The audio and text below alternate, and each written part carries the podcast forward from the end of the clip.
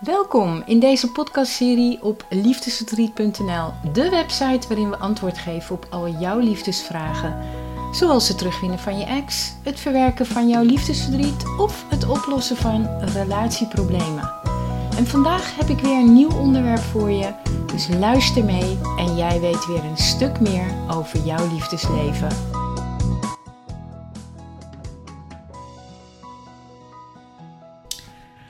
Lieve luisteraars. Nou, het is alweer enige tijd geleden dat ik een podcast heb gemaakt. Dat heb je ongetwijfeld al gemerkt. Dat was ook zeker niet mijn bedoeling. Want uh, ja, mijn doel is nog altijd dat uh, ik één podcast per week maak, minimaal. Um, maar de laatste twee maanden in de zomer uh, ben ik heel druk geweest met allerhande dingen maar vooral met het geven van sessies hypnotherapie. Want ik weet eigenlijk niet hoe het komt, maar ik kreeg in de afgelopen maanden opeens zoveel vragen van mensen die een uh, sessie bij me wilden doen. Terwijl ik dat niet eens zo uh, prominent op de website had laten zien. Maar goed, uh, ik, had, ik had er niet echt een pagina over geschreven, zeg maar. Dus ik was nogal verbaasd. Ja, ik had wel een pagina en dat is de pagina over streepje mij, waar ik meer vertel over mezelf, wie ik ben, wat ik allemaal doe, wat mijn passies zijn, wat ik heb geleerd en een opleiding heb gedaan. Nou ja, een echte over mij pagina dus. En toen ik die pagina online had gezet, kreeg ik mensen bij me die bijvoorbeeld ja, hun angsten, zoals verlatings, bindingsangst, wilden overwinnen. Of mensen die ongelooflijk veel verdriet hadden naar aanleiding van uh, een relatiebreuk. Mensen die hun onzekerheden wilden leren loslaten. Of uh, ja, hun neigingen tot jaloezie, uh, gebrek aan zelfliefde. Kortom, mensen die bepaalde overtuigingen hadden die zo'n grote negatieve invloed had op hun leven, waardoor ze gewoon niet meer verder konden. Nou, en vaak blijkt dan tijdens zo'n sessie dat ze zich opeens bewust worden van hoe ze met zichzelf praten, welke dingen ze tegen zichzelf zeggen, hoe ze naar zichzelf kijken en welke gedachten daaruit voortvloeien. En dan ontstaat het besef ja, van een groot gebrek aan zelfliefde. En zoals ik vrijwel in alle podcasts die ik maak al heb verteld en nog zal herhalen overigens, en vrijwel alle emotionele problemen komen voort uit een gebrek aan zelfliefde. En dat komt weer voort uit valse overtuigingen over zichzelf. En wanneer je valse overtuigingen hebt over jezelf of de wereld om je heen, dan ga je jezelf saboteren. En ja, zelfsabotage um, leidt ertoe dat je, je gevangen blijft in jezelf, dat je jezelf klein houdt. En voor sommige mensen, dat klinkt misschien heel gek, maar geeft dat ook een bepaald gevoel van veiligheid. Hè? Omdat het een gevoel is die ze al jarenlang kennen. Nou, in deze podcast wil ik een aantal van die valse overtuigingen, van die gedachten of dat stemmetje die je af en toe in je hoofd hoort, uh, bespreken, zodat je stil kunt staan bij de vraag: speelt dit nou bij mij? Is dit de reden waarom ik niet vooruit kom? En uh, of je jezelf deze vraag stelt met betrekking tot je relatiebreuk, je huidige liefdesrelatie of andere terreinen van je leven, maakt op zich niet uit. Het is sowieso belangrijk dat je bewust wordt van allerlei soorten overtuigingen, bullshit-overtuigingen vaak, die je erop nahoudt. Nou, dat dus allemaal. Hè? Dus het geven van sessies, hierover met mensen in gesprek gaan, over die overtuigingen. Nou, dat heeft zoveel tijd in beslag genomen dat ik dus niet meer toekwam aan de rest. En doe ik dan het schrijven ook van artikelen natuurlijk en het maken van podcast, CQ video's hiervan. Oh ja, en daarnaast ja, ben ik ook bezig geweest met de nieuwe look van de website. Ik weet niet of je het al hebt gezien, maar de site heeft sinds gisteren een nieuw jasje gekregen. En ook zijn er wat nieuwe pagina's bijgekomen, waaronder ook die pagina over mij. En ik zou je vertellen, die pagina over mij, ja, daar ga ik het volgende nog over zeggen. Nou, dit is voor mij, lieve mensen, zo'n bevrijding geweest. Ja, ik weet niet goed hoe ik het moet vertellen, maar dat ik nu van mezelf eindelijk mijn echte naam bekend kan maken. Want als je die pagina hebt gelezen, weet je inmiddels dat ik jarenlang heb geschreven voor liefdesverdriet.nl onder de auteursnaam Michelle, terwijl mijn echte naam dus Marjolein is. En je mag weten dat ik dat al die jaren vrij lastig vond om onder een auteursnaam bekend te zijn, op zowel mijn website, maar ook op YouTube. Het voelde gewoon ergens niet helemaal oké, weet je. Het voelde gewoon gek voor mij. Maar ja, ik was hier natuurlijk ooit mee begonnen. Omdat A, nou ik zal het je vertellen, omdat A, een coach ooit tegen me zei: Ja, nu je nog in het onderwijs werkt, want uh, ja, ik heb jarenlang voor de klas gestaan. Um, en wanneer je echte naam gaat gebruiken, voorzie ik echt problemen uh, met zowel je leerlingen en de ouders van die leerlingen als je publiek. En ten tweede, ja, ik stond inderdaad ook als docent voor de klas en ik had die coach gezegd: ik wil ook niet dat leerlingen weten dat ik mensen coach die hun ex willen terugwinnen of hun liefdesverdriet willen overwinnen. Dus nou ja, ik geloofde dat dus en ik volgde dat. Nou, ik kan je stellen dat dus, dat, dat dus ook een bepaalde hypnose is geweest. Hè? Een bepaalde overtuiging waar ik zelf dus ook in zat.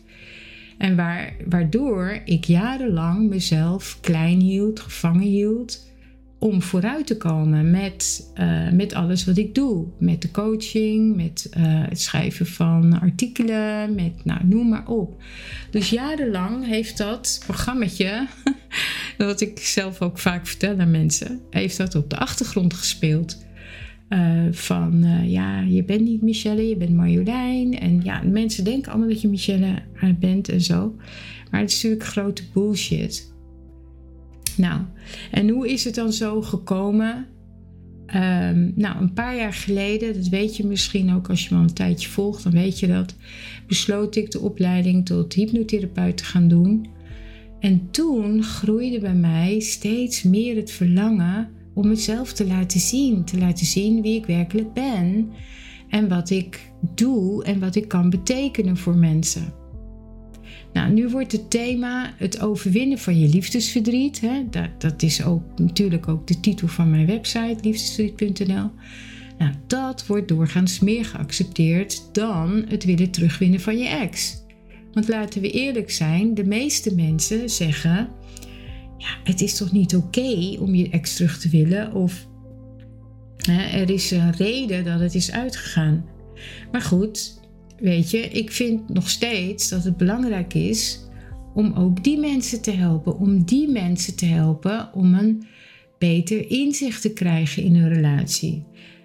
wat ze aan, uh, ja, hoe moet ik het zeggen, wat ze eraan kunnen doen om meer in verbinding te komen met hunzelf. Waardoor ze beter kunnen connecten weer met hun ex. Uh, dus ja, dus ik wil graag dat de mensen meer inzicht krijgen hoe ze hun communicatie kunnen verbeteren met hun ex. Wat slim is om wel te doen en wat niet. Zodat je in ieder geval de kans vergroot om van daaruit weer een mooiere, geheel nieuwe relatie te laten ontstaan. het is ook gebleken gewoon dat ik daar gewoon, ja, dan zeg ik het eerlijk, van mezelf, ik ben daar gewoon goed in mensen zijn, ik krijg gewoon ook vaak heel terug dat mensen blij zijn met de inzichten die ik hun geef. Dat ze blij zijn met het feit dat ik hun meer helderheid heb gebracht bij bijvoorbeeld het maken van een belangrijk besluit voor de toekomst. Want ja, mensen zijn vaak totaal emotioneel in de put hè, als een relatie over is. En daardoor bestaat dan ook de kans dat ze gewoon grove fouten maken waardoor die situatie alleen maar verslechtert dus. Terwijl een relatiebreuk ook aan de ene kant heel veel goeds kan brengen. Hè? Maar de meeste mensen zien dat niet zo. Het wil niet zeggen dat de mensen die zich bij me melden, ehm, ja, dat het is omdat ze hun ex zo graag terug willen, maar ze willen van dat ellendige gevoel af. Het gevoel van zelfverwijt, van schuldgevoelens, van gemis, van verdriet, van de angst of de gedachte van, ja, hoe kan ik nu verder? En kan ik dit wel? Kan ik dit wel allemaal zonder mijn ex? Mijn doel is dan ook om die mensen eerst meer inzicht te geven in hun relatie, hun oude relatie. En ja, de vraag: wil ik dit nog wel? dat ze inzicht krijgen in de vraag: wil ik dit nog wel? En zo ja, wat maakt dat ik dit wil? En ik wil die mensen ook graag meer laten ontdekken wie ze zijn. En of er achter die mens van de terug willen van je ex niet een bepaalde angst zit. Een ongezonde angst, zeg maar. Want er zijn heel veel mensen die hun ex terug willen omdat ze gewoon angstig zijn. Ehm, en dat ze vaak denken: ik kan dit niet alleen. Maar het meest belangrijke in dit hele proces is het antwoord op de vraag: wil ik mijn ex terug omdat ik de overtuiging heb dat ik me alleen op die manier gelukkig kan voelen? Ehm, dat ik de overtuiging heb dat ik nooit zoiets meer terugkrijg? Of wil ik mijn ex terug omdat ik gewoon heb ervaren, we zijn een goede match en de relatiebreuk is vanwege een wederzijds misverstand. En dat kan zijn iets wat zowel bij jou als bij je ex ehm, opgelost kan worden. En dat je dus zegt, nou, ik geloof zelf dat we weer daarom een goed koppel kunnen zijn. Maar ja, dan moet ik natuurlijk wel weten hoe en wat ik daarvoor moet doen. Daar begint het dus. Nou, voor veel mensen is een relatiebreuk natuurlijk een behoorlijk pijnlijke ervaring. Maar ik wil het graag toch in deze podcast ook eens van een andere kant belichten. Want ik kwam laatst een, ehm, een koppel tegen en die vertelde me dat ze hun relatiebreuk hebben gevierd. Letterlijk. Met taart, met dansen, met lekkere hapjes. Zoals het dus gaat bij feestjes. En het stel vertelde me dat ze al jarenlang samen getrouwd waren. Maar op enig moment op een punt waren beland dat ze tegen elkaar durfden te zeggen: Oké, we zijn geen goede match meer. Ehm, het is beter voor ons, voor de kinderen, als hier onze wegen scheiden. Dus laten we samen dit inzicht met onze kinderen vieren. En ze maakte er dus een feest van, waarbij ze vrienden, kennissen en familieleden hadden uitgenodigd. Nou, ik, ik vond dit zo mooi om te horen. Ik was gewoon echt verbaasd, weet je, van wauw, dit kan dus ook zo. Nou, je weet natuurlijk dat ja, in onze maatschappij komt dit vrijwel nooit voor. En daarom is het natuurlijk ook zo bijzonder. En ik zei tegen hun, weet je, nu je het zo vertelt, jullie hebben helemaal gelijk. Een breuk hoeft helemaal geen drama te zijn. Het kan je zoveel diepgang brengen in je leven. Het kan je zoveel leren. Het kan je zoveel goeds brengen. Je kunt bijvoorbeeld ervaren hoe het voelt om elkaar, om sowieso, hè, om elkaar in liefde los te laten. Want dat gebeurt vrijwel nooit hè, bij een relatiebreuk. Dat mensen tegen elkaar zeggen: Ik laat je los in liefde. Maar je kunt, wanneer je elkaar loslaat, nog altijd verbonden blijven met elkaar. Op enige manier. Op de manier zoals het goed voelt voor jullie. En zeker als je kinderen hebt, is het gewoon ook zo belangrijk voor die kinderen dat je afscheid neemt van elkaar op een harmonieuze manier. Um, Zodat je ook uh, ja, ruimte maakt voor elkaar om ook eens van tijd tot tijd met elkaar leuke dingen te doen. Maar goed, de meeste mensen die voelen zich vaak door hun partner afgewezen. Het gaat gewoon gepaard met pijn. Ze beginnen erg slecht over zichzelf te denken. En ze raken nog verder in de put. Nou, ik wil graag die mensen helpen met het verbeteren van hun eigen waarde, het versterken van meer zelfvertrouwen, waardoor ze dus een betere connectie kunnen hebben. Niet alleen met hun ex, met zichzelf en hun hele omgeving. En dat werkt dus als een wisselwerking. Van geven, ontvangen, van ontvangen en geven. Want laat je licht en liefde toe in je hart. Je raakt meer in verbinding met jezelf. je voelt meer liefde voor jezelf. Zul je dat ook meer aan anderen kunnen geven, waardoor die ander jouw positieve energie gaat voelen en meer zoiets zal hebben als: Goh, ik wil meer van dat. Ik wil vaker bij die persoon zijn. Precies, en weet je, en, en dat zie ik dan ook als mijn taak om die mensen dat te leren. En ik leer ze hoe ze op een andere manier naar de situatie kunnen kijken, waardoor ze precies die persoon of datgene gaan aantrekken waar ze werkelijk naar verlangen. Maar oké, ik wil vandaag een podcast maken over zelfsabotage. En de overtuiging die je erop na kunt houden, die leiden tot zelfsabotage.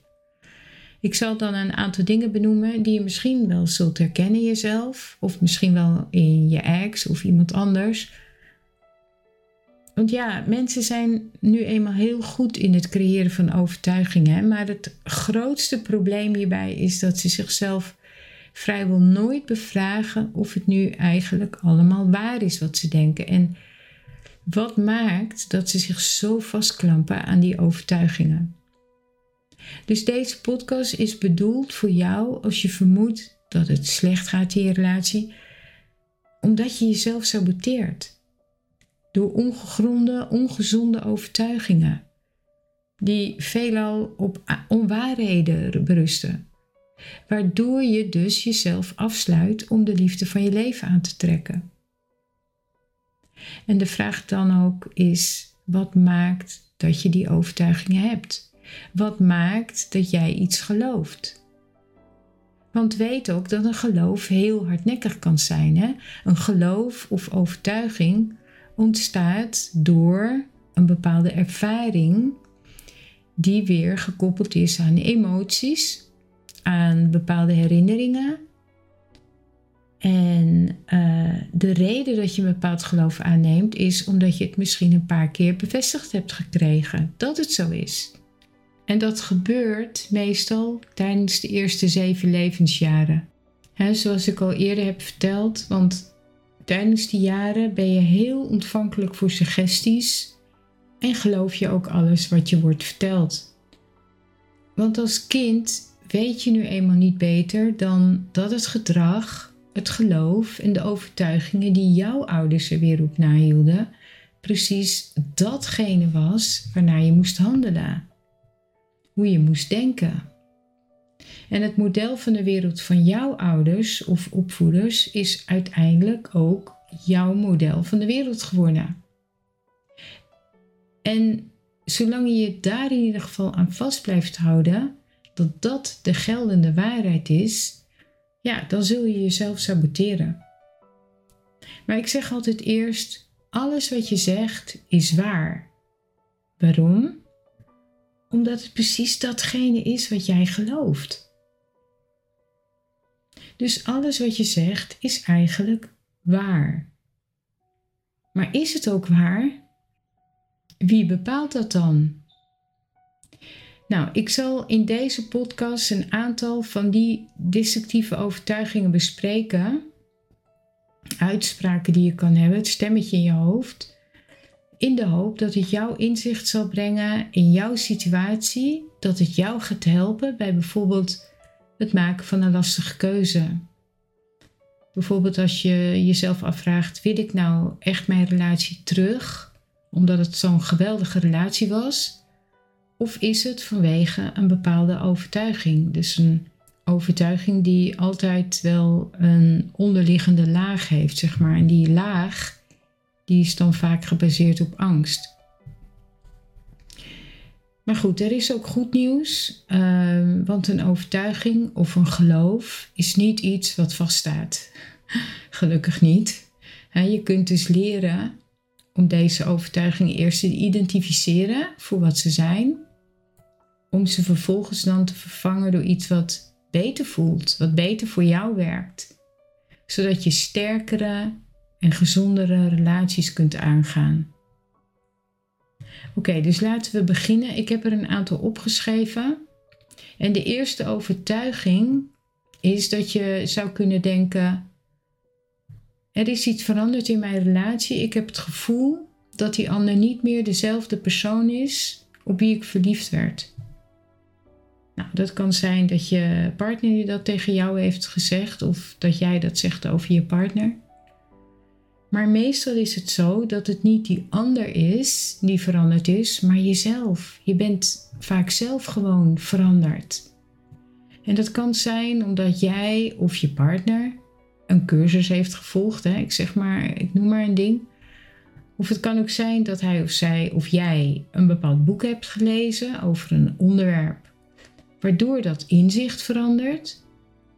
Maar het hoeft helemaal niet erg te zijn. Hè? Zolang je er maar over praat en je elkaar ook vertelt dat er andere inzichten zijn ontstaan. Dat je moeite hebt bijvoorbeeld met het begrijpen van het gedrag van jezelf of van je partner. Dus kom niet te snel met het oordeel van ja, deze relatie werkt niet meer, want ja, je bent veranderd of mijn, ja, weet je. Dus dan is het belangrijk dat je dat eerst accepteert, dat als je dat hoort, um, en dat je dus tegen je partner zegt dat je het begrijpt, omdat leven nu eenmaal betekent dat we evolueren. Het leven betekent niet dat we moeten stilstaan. Je kunt op een bepaald punt niet meer samen in dezelfde richting evolueren en dat is helemaal oké. Want het laatste wat je wilt is, tenminste als je echt van iemand houdt, is dat je die ander in de weg gaat staan in dat proces van evolueren. Nou, stel dat je partner tegen je zegt: Ik heb geen gevoelens meer voor je. Geef dan je partner die erkenning. Want het gevoel is dan niet jouw gevoel, maar wel die van je partner. Dus op het moment dat je zoiets hoort, ja, dan zou je meer met een, een ja, hoe zou ik het zeggen, een meer nieuwsgierige houding kunnen reageren. Uh, meer nog natuurlijk dan vanuit angst en paniek. Je zou dus bijvoorbeeld kunnen zeggen: Goh, jeetje, dat je hier al zo lang mee zit, dat vind ik gewoon echt heel vervelend. Want het laatste wat ik wil is dat ik jou in de weg ga staan, zodat je niet meer kunt ontwikkelen, dat je niet meer kan groeien als mens. Maar natuurlijk, ik ben wel geïnteresseerd in de vraag: wat maakt nu eigenlijk dat dat gevoel is veranderd? Wat maakt dat jij dat denkt? En dat is natuurlijk een hele andere benadering van wanneer je komt met: jee, wat vertel je me nou? Ik ben geschokt en hoe kan dat nou? Want gisteren vertelde je me nog hoeveel je van me hield. Zie je het verschil? Dus de juiste reactie op zo'n pijnlijk moment begint eigenlijk altijd bij acceptatie en het geven van erkenning. Want zodra je er tegenin gaat, gaat oordelen of zeggen dat hij of zij het verkeerd ziet, dan creëer je juist afstand in plaats van verbinding. Nou, de tweede overtuiging die je kunt hebben, of gedachte die je kunt hebben, is dat je alles ja, dat je alle situaties eigenlijk zo wil zien dat het altijd gaat zoals jij het wil, zeg maar. Want als het niet zo gaat, dat je dan in een soort van paniek schiet.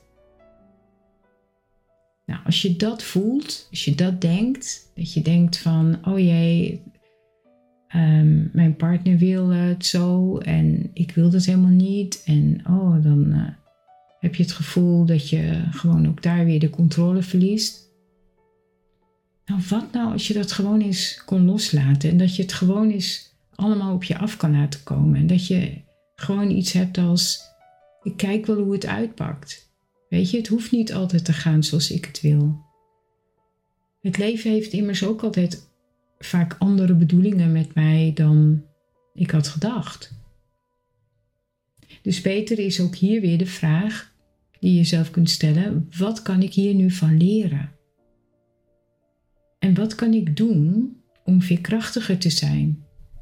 Wat kan ik doen om beter mezelf te kunnen aanpassen? Maar zeker ook, wat kan ik doen dat ik niet in paniek schiet als het even anders gaat dan ik had verwacht? En dat ik mijn emoties ook beter onder controle heb. Dus val je partner ook niet aan als hij of zij bepaald heeft dat het anders moet. En misschien is het ook beter om het anders te doen en kun je echt veel van leren. Dus probeer wat flexibeler te zijn, veerkrachtiger.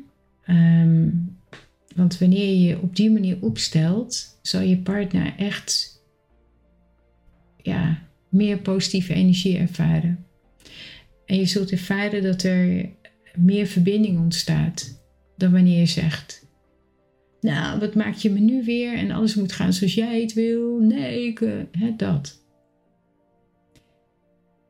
Nou, ik hoop dat je hiermee iets mee kan. Ik ga even door met de derde. Ehm, een andere overtuiging kan zijn: ik moet altijd weten wat er aan de hand is, anders raak ik de controle kwijt. Dus hier gaat het ook weer over die controle. Natuurlijk, nieuwsgierigheid is gezond. Hè? Je wil bijvoorbeeld weten waar je partner uithangt, maar als het een obsessie wordt, je kan er niet tegen om niet te weten waar je partner is, dan is het dus. En, ik bedoel, als je dat dus vaak denkt, hè, van, en dat je daar helemaal van in paniek schiet, dan is het dus niet oké.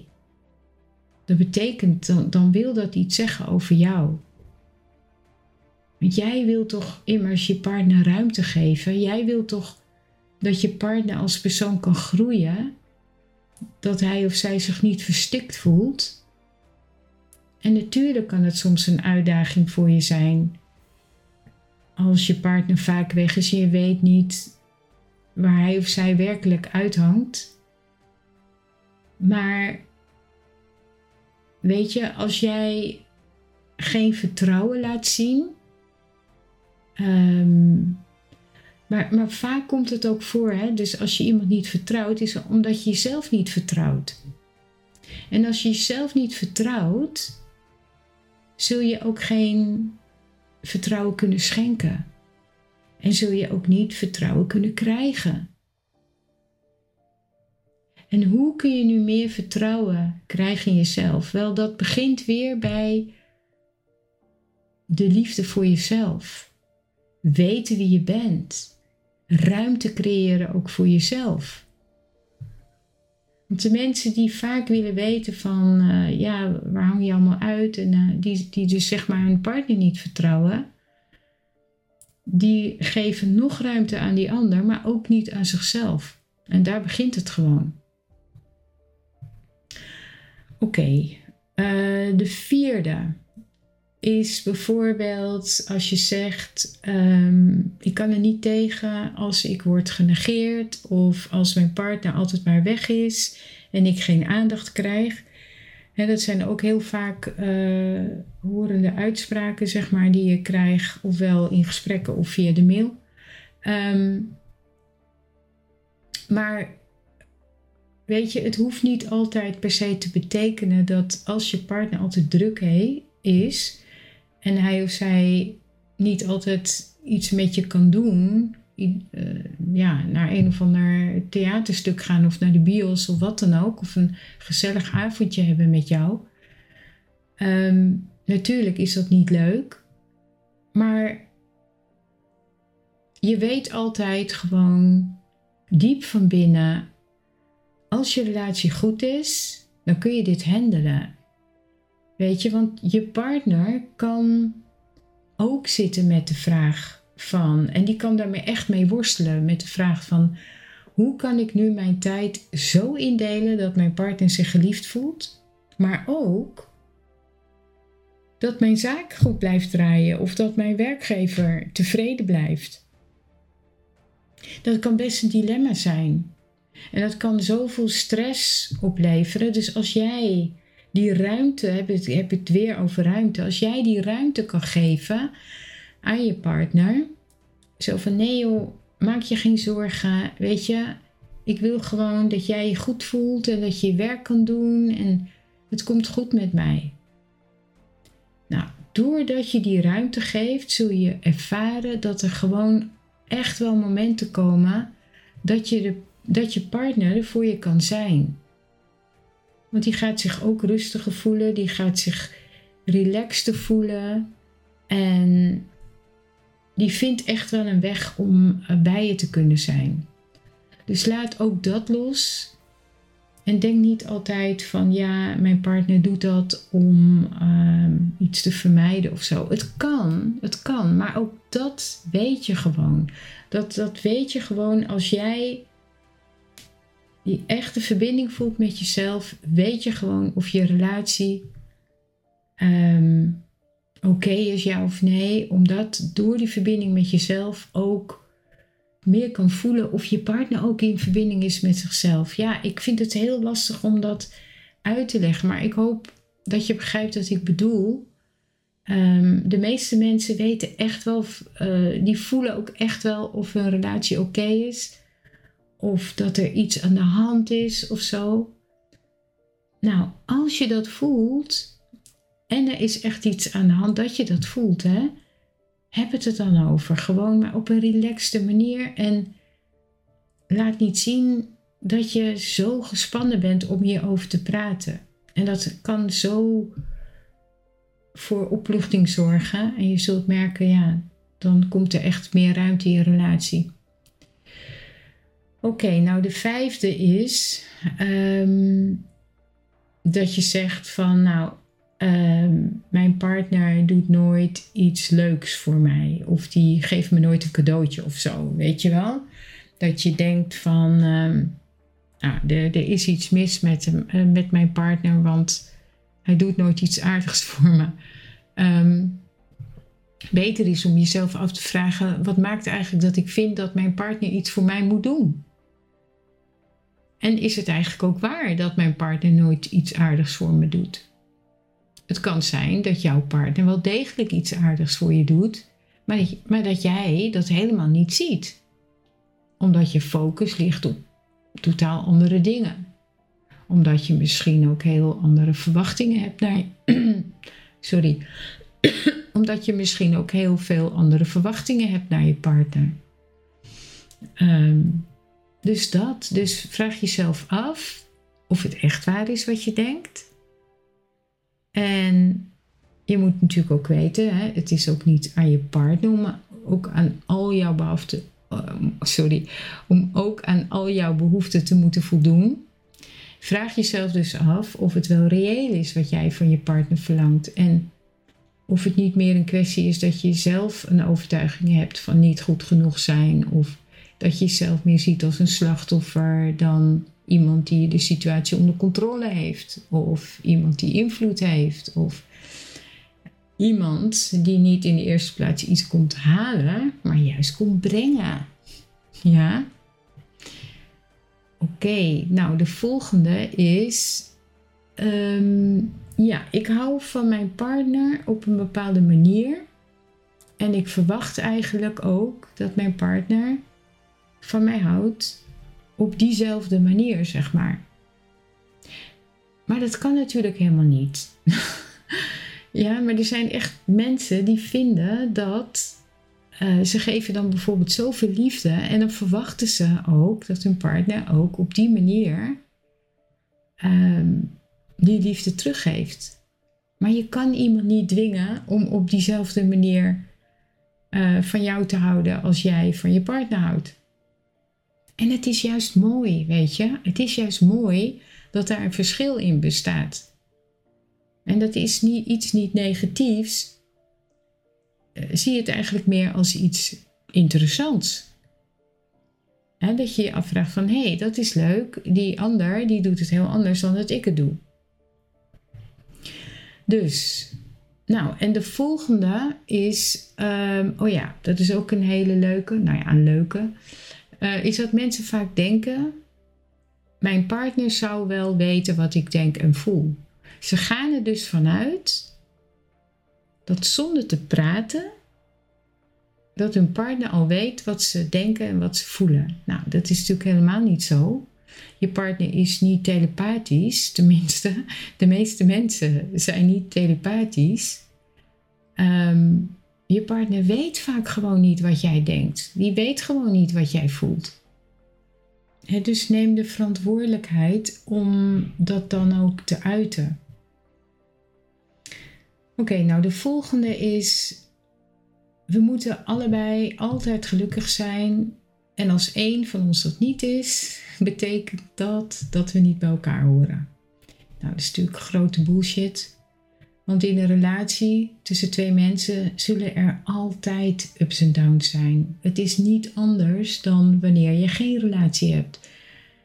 dus als je single bent, dan zullen er ook altijd ups en downs zijn. er zijn mensen die zeggen: ja, we hebben zoveel problemen. Maar ehm, als je zegt er zijn zoveel problemen, ja, waar gaan die problemen dan over? Wat, wat houden ze precies in? Weet je, sommige mensen die maken van iets echt een heel groot probleem. Maar het is nu eenmaal zo dat jij, ehm, als je samenleeft met iemand, ja, dat er gewoon altijd momenten komen die een uitdaging voor jullie kunnen zijn. En dan is het de kunst, hoe ga je daarmee om? Hoe praat je erover? Uh, en wat kun je er vooral van leren? Maar er zullen hoe dan ook, in elke relatie zullen er momenten, periodes zijn van dat het goed gaat en dat het minder goed gaat. Maar de vraag is dan, hoe veerkrachtig zijn jullie samen om dat aan te kunnen? Hoe compatible ben je dan? Um, en er zijn ook heel veel mensen die bij me komen en die zeggen dan: ja, onze relatie was zo perfect, want er gebeurde nooit wat. We hadden nooit ruzie. Nooit. Nou, dan denk ik altijd: oké, dan klopt er al iets niet. Want het is gewoon niet waar, weet je. Er zijn gewoon ook, als je alleen leeft, zijn er gewoon ups en downs. En die heb je samen ook, in een leven samen. Het is natuurlijk wel zo dat als je merkt dat je elkaar op een of andere manier negatief beïnvloedt, dat je dat ook de moed zal, ja, dat je dan ook de moed zal moeten opbrengen om dat op tafel te gooien. Dat je zegt van hé, hey, laten we zitten, er gebeurt hier iets. Uh, ik heb het gevoel dat en dat doet dit en dat met mij. Um, maar als er ruzietjes zijn over, ja, weet ik veel, uh, bijvoorbeeld je partner laat van alles uh, nog wat slingeren door, door het huis en je hebt daar irritaties over, dat is normaal. Maar je moet erover praten en, en niet afbekken, maar gewoon er samen over te praten. En gewoon zeggen hoe jij het wil hebben, dat je dat fijn zou vinden. En dat kun je op een hele rustige toon zeggen. Ja, irritaties zijn er om gewoon uit te spreken, om het samen daarover te hebben. Nou, um, had ik nog wat? Even kijken. Um, ja, tot slot wil ik dan zeggen, nou, er is, er is, bij mensen die een relatie hebben altijd wel ook een moment dat er een twijfel komt van, ja, is het nog wel oké tussen ons? Um, ook dat is normaal hè, als je twijfels hebt in je relatie op enig moment. En, ehm, maar dat hoeft nog niet te betekenen dat, ja, dat, het, dat het einde in zicht is, zeg maar. Het kan juist een moment zijn van meer helderheid scheppen, meer duidelijkheid. Waar sta je, waar sta je dan? Waar wil je naartoe? Nou, heb het daar dan samen over. Uh, vertel gewoon wat je bezighoudt, waar je aan denkt, wat maakt dat je dat denkt. Um, en zo werk je dan samen aan dit soort problemen, dit soort twijfels. Je steunt elkaar. En ja, dat zorgt ervoor dat je gewoon um, meer betrokken bent bij elkaar en, en dat er meer verbinding ontstaat in je relatie. Nou, we zijn alweer aangekomen aan het eind van deze podcast. Ik hoop dat je het een fijne podcast vond. Als het zo is, laat me weten. Dat mag door gewoon simpelweg natuurlijk een eh, mailtje te sturen. Het is altijd heel fijn om te horen en te lezen. En je kunt natuurlijk ook even een kijkje nemen uh, op liefdeslied.nl slash winkel slash nou, of die slash erachter moet, weet ik niet. Maar goed, uh, daar vind je mijn aanbod. En um, ja, je kan coaching aanbieden, je kan sessies hypnotherapie aanbieden, je kan een e-book van me lezen. Um, ik heb e-books geschreven voor het terugwinnen van je ex, maar ook voor het verwerken van je liefdesverdriet. En nou, misschien kan het je helpen. Dus ik zou zeggen, doe er je voordeel mee. En ik ga mijn best doen om weer snel een nieuwe podcast te maken. Bedankt in ieder geval voor het luisteren. En ik wens je nog een hele fijne dag. Dag!